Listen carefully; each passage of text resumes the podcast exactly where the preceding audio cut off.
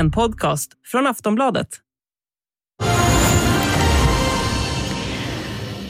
Inflationen stiger, räntorna höjs och enligt Konjunkturinstitutets senaste prognos kommer Sverige gå in i en lågkonjunktur nästa år. Sverige får en ny inflationssmocka. Detta enligt nya siffror ifrån SCB här på morgonen. Har du, precis som jag, börjat ändra dina vanor efter att priset på el, drivmedel och mat ökat rejält det senaste halvåret? Ja, vi har ju pratat mycket om det här i Daily de senaste månaderna. Om hur kriget i Ukraina påverkar vårt dagliga liv med dyrare priser på i stort sett allt som vi behöver i vår vardag. Och även om Ukraina kanske ser ut att vända kriget i dagsläget så lär det ändå inte påverka vissa priser den närmaste tiden. I onsdags så kom rapporter om att inflationen steg till 9% i augusti enligt Statistiska centralbyrån. Inte helt otippat så är det räntekostnader och skyhöga elpriser som har bidragit till ökningen. Och de flesta experter siar också om att räntan kommer att höjas ytterligare. Den 20 september så kommer Riksbanken med Stefan Ingves i spetsen med nytt besked om styrräntan. Och stalltipset är att den kommer trippelhöjas från dagens 0,75 procent. Vi har också precis haft val där allt pekar på att det blir ett maktskifte och det återstår att se vad en ny regering kan göra för de svenska hushållen. Experterna menar nu också att vi är på väg in i en lågkonjunktur. Och efter att arbetslösheten ökade mycket under pandemin så ligger den idag på drygt 6,4 procent i Sverige. Hur kommer det bli det närmaste året med konjunkturen? Är Sverige förberedd på en lågkonjunktur och finns det något som kan bromsa inflationen? Ja, vi försöker reda ut det här i dagens Aftonbladet Daily. Jag heter Jenny Ågren. Och jag har med mig Sara Brännström. Hon är näringslivsreporter på Svenska Dagbladet. Sara, man spår att vi är på väg in i en lågkonjunktur, stämmer det? Ja, men precis. Ända sedan i våras har den här konjunkturoron funnits där. Många experter har talat om att vi får nu en dämpad ekonomi och det, de letar liksom tecken efter den här dämpade ekonomin. Och nu börjar de synas. Mm, och vad säger då konjunkturbedömarna? Att toppen är nådd. Vi har liksom passerat det bästa. Ekonomin kommer inte vara lika stark som tidigare. Men ännu är vi inte inne i lågkonjunkturen för där behöver vi ha då eh, ett par kvartal med eh, lägre eh, tillväxt eller låg minustillväxt. Eh, företagen anställer ju fortfarande människor och arbetslöshetssiffrorna eh, har sett bättre ut i somras eh, än i fjol. Och företagen visar ju fortfarande fina siffror, men frågan är vad som väntar om ett par kvartal. För även företagen möter ju precis eh, som vi konsumenter eh, högre elpriser och Sverige som är en liten öppen ekonomi och exporterar mycket. Vi är beroende av att det finns andra företag då som köper saker av oss och börjar de andra ekonomierna i världen också visa tecken på lite lågvarv, då smittar ju det där av sig för allting sitter ju ihop. Mm, men går det ens att göra prognoser för var vi kommer att landa? Alltså, de prognosmakare jag talar med på sistone eh, har faktiskt betonat hur svårt läget är just nu. För det är så många frågor. Dels har vi det här kriget i Ukraina och eh, gasen. Och vad kommer Putin göra? Eh, hur länge ska kriget pågå?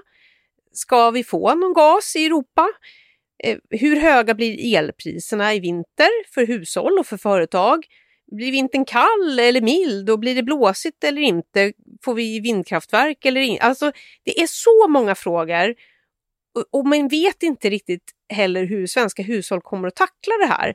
Eller andra tyska hushåll. Alltså, deras regering har utlovat stöd. Eh, vi vet inte ens vem som blir regering i Sverige än. Så det, det är massor med bollar som är uppe i luften. Och, och det, det, är där som gör att det är inte så lätt att lägga det här pusslet.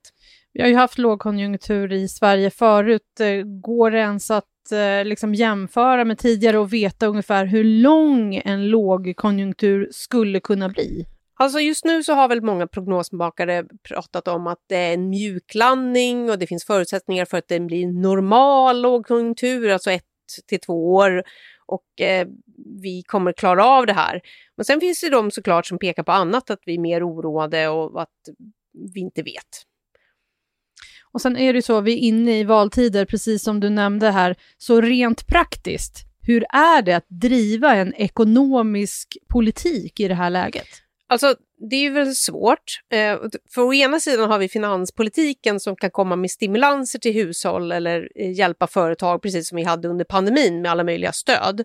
Det andra är ju att vi har en riksbank som eh, ska se till att dämpa inflationen genom att höja räntan och de är på gång. Där finns det bedömare som tycker att Riksbanken inte agerat i tid och att den här perioden med stora stimulanser och eh, extremlåga räntor har varit lite för lång, att de har varit sena på bollen.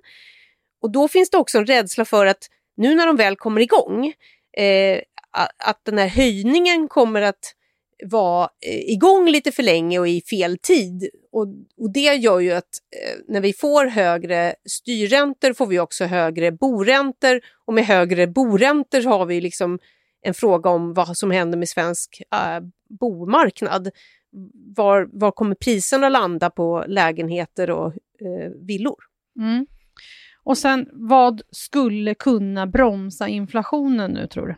Ja, men alltså, det är ju tanken med de här räntehöjningarna som eh, Fed är ju väldigt snabba, amerikanska centralbanken, på att försöka dämpa inflationen med att prata om att nu höjer vi räntan och så har de höjt och som kommer att väntas fortsätta höja.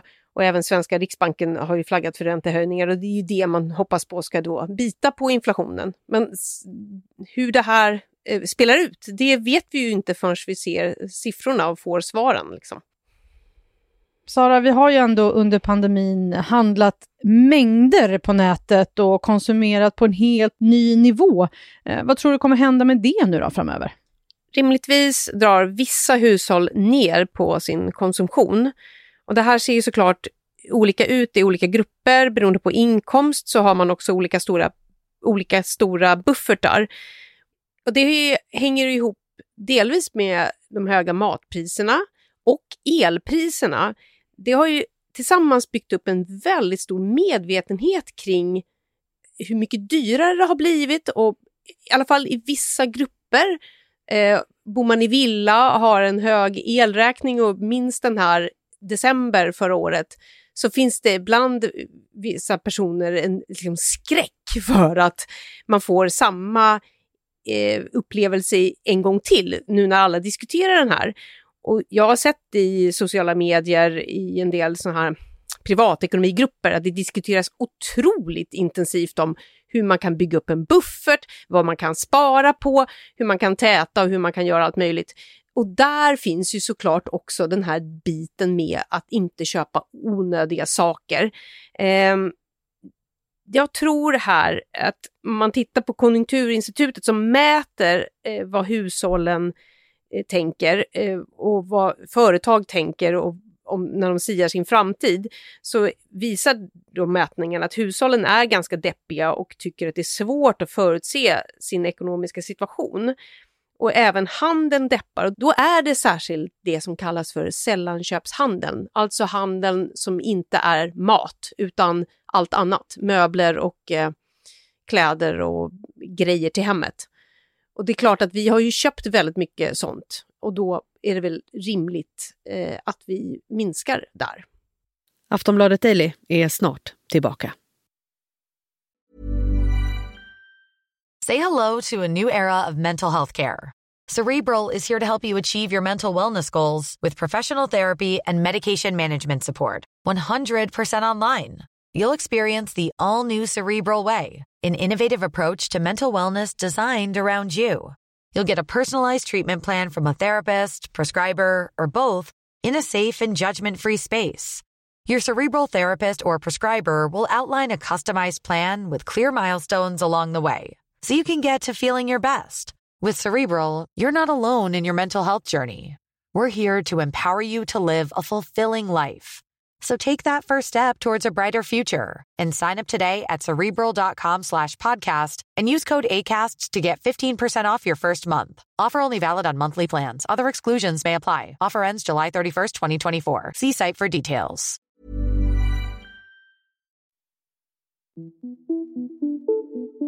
Många av de svenska hushållen kommer behöva strama åt sina kostnader rejält under de kommande månaderna, kanske till och med år, beroende på hur långvarig både en elkris och en lågkonjunktur kan komma att pågå. Samtidigt som hushållen kämpar på med sin ekonomi så gör även många arbetsgivare det som också drabbas av världsläget. Och frågan är om det finns någon möjlighet att ens arbetsgivare kommer höja ens lön med flera tusen för att hjälpa till. Vi hör Sara Brännström igen.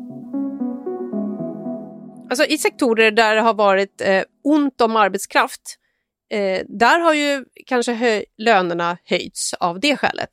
Eh, och, så vi har ju inte riktigt sett det omvända än. Eh, vi får väl egentligen svaret för hela arbetskollektivet i det läget när fack och arbetsgivare i vård då sätter sig ner och löneförhandlar. Och det är en bit kvar och vi vet ju inte vad som kommer hända med alla de här frågetecknen vi hade, som jag pratade om innan, om krig och så här. Så det är väldigt svårt att förutse då hur de här förhandlingarna kommer gå. Alltså, man kan ju tänka sig då att företagen också argumenterar att de har de här elpriserna eh, att tackla och andra omvärldskostnader så att de kan liksom inte bara höja lönerna hur mycket som helst och samtidigt kommer då fackförbunden gissningsvis eh, liksom försöka förhandla och säga motsatsen till till arbetsgivaren att det inte kommer gå runt om man inte får högre lön. Har du själv börjat tänka på saker som du måste dra ner på Det? Nej, men så energifrågan är väl, beroende på hur man bor, en väldigt viktig sak att eh, förhålla sig till. Um, och, och, vi har ju inte själva sett den här vintern än, för det är väl egentligen först då vi ser om vi behöver ha 20 grader inomhus eller 18. Mm. Sen är det ju så här, Sara, vår svenska krona är också svag nu. Vad betyder det egentligen? Ja, det betyder ju att den är dyr att växla till till exempelvis amerikansk dollar, för det, dollarn har stärkts. Eh, och det har den gjort på grund av att det är en sån valuta som investerare söker sig till när det är oroliga tider. Och när den är stärkt, ja, den svenska kronan är då inte så ett hett alternativ, eh, för vi är lite perifera i världen.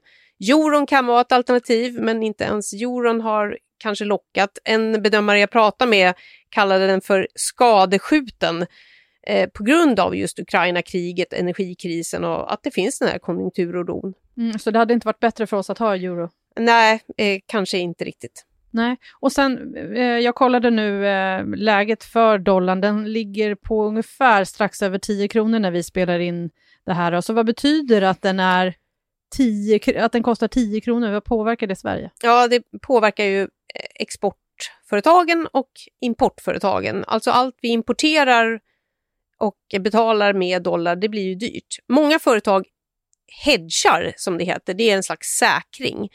Så att de inte får de här stora valutaeffekterna när valutorna rör sig. Men den här eh, försvagningen av kronan eller stärkningen av dollarn, den har ju pågått under ganska lång tid. Så att någon gång så ska ju företagen då hedga sig på nytt och då kan ju läget vara ett annat än vad det såg ut när de gjorde det senast. Sen är det ju så här, man undrar lite hur svag kan den svenska kronan bli? Mm, det är väl också en sån fråga som är, man inte riktigt vet hur långt det är en snöre. Men de bedömare jag pratat med menar ju att det finns fortfarande den här pressen på kronan eller att eh, det läge som vi ser i omvärlden är, är ju fortsatt där med kriget och oron och då betyder det att dollarn har en fördel och då är den dyr och då kan kronan bli ännu lite svagare. Sara, vad är värsta tänkbara scenario framöver? Och det finns säkert fler eh, värsta scenarier, men om vi pratar om den här lågkonjunkturen så är det väl att den skulle bli djup och ihållande, att inflationen inte dämpas, att tillväxten blir låg eller minus, arbetslösheten väldigt hög. Och det är ju någonting som bedömare tar upp som ett riktigt skräckscenario. Tack för idag Sara. Tack. Sist här Sara Brännström, näringslivsreporter på Svenska Dagbladet. Jag heter Jenny Ågren och du har lyssnat på Aftonbladet Daily. Vi hörs snart igen. Hej då. Du har lyssnat på en podcast från Aftonbladet. Ansvarig utgivare är Lena K Samuelsson.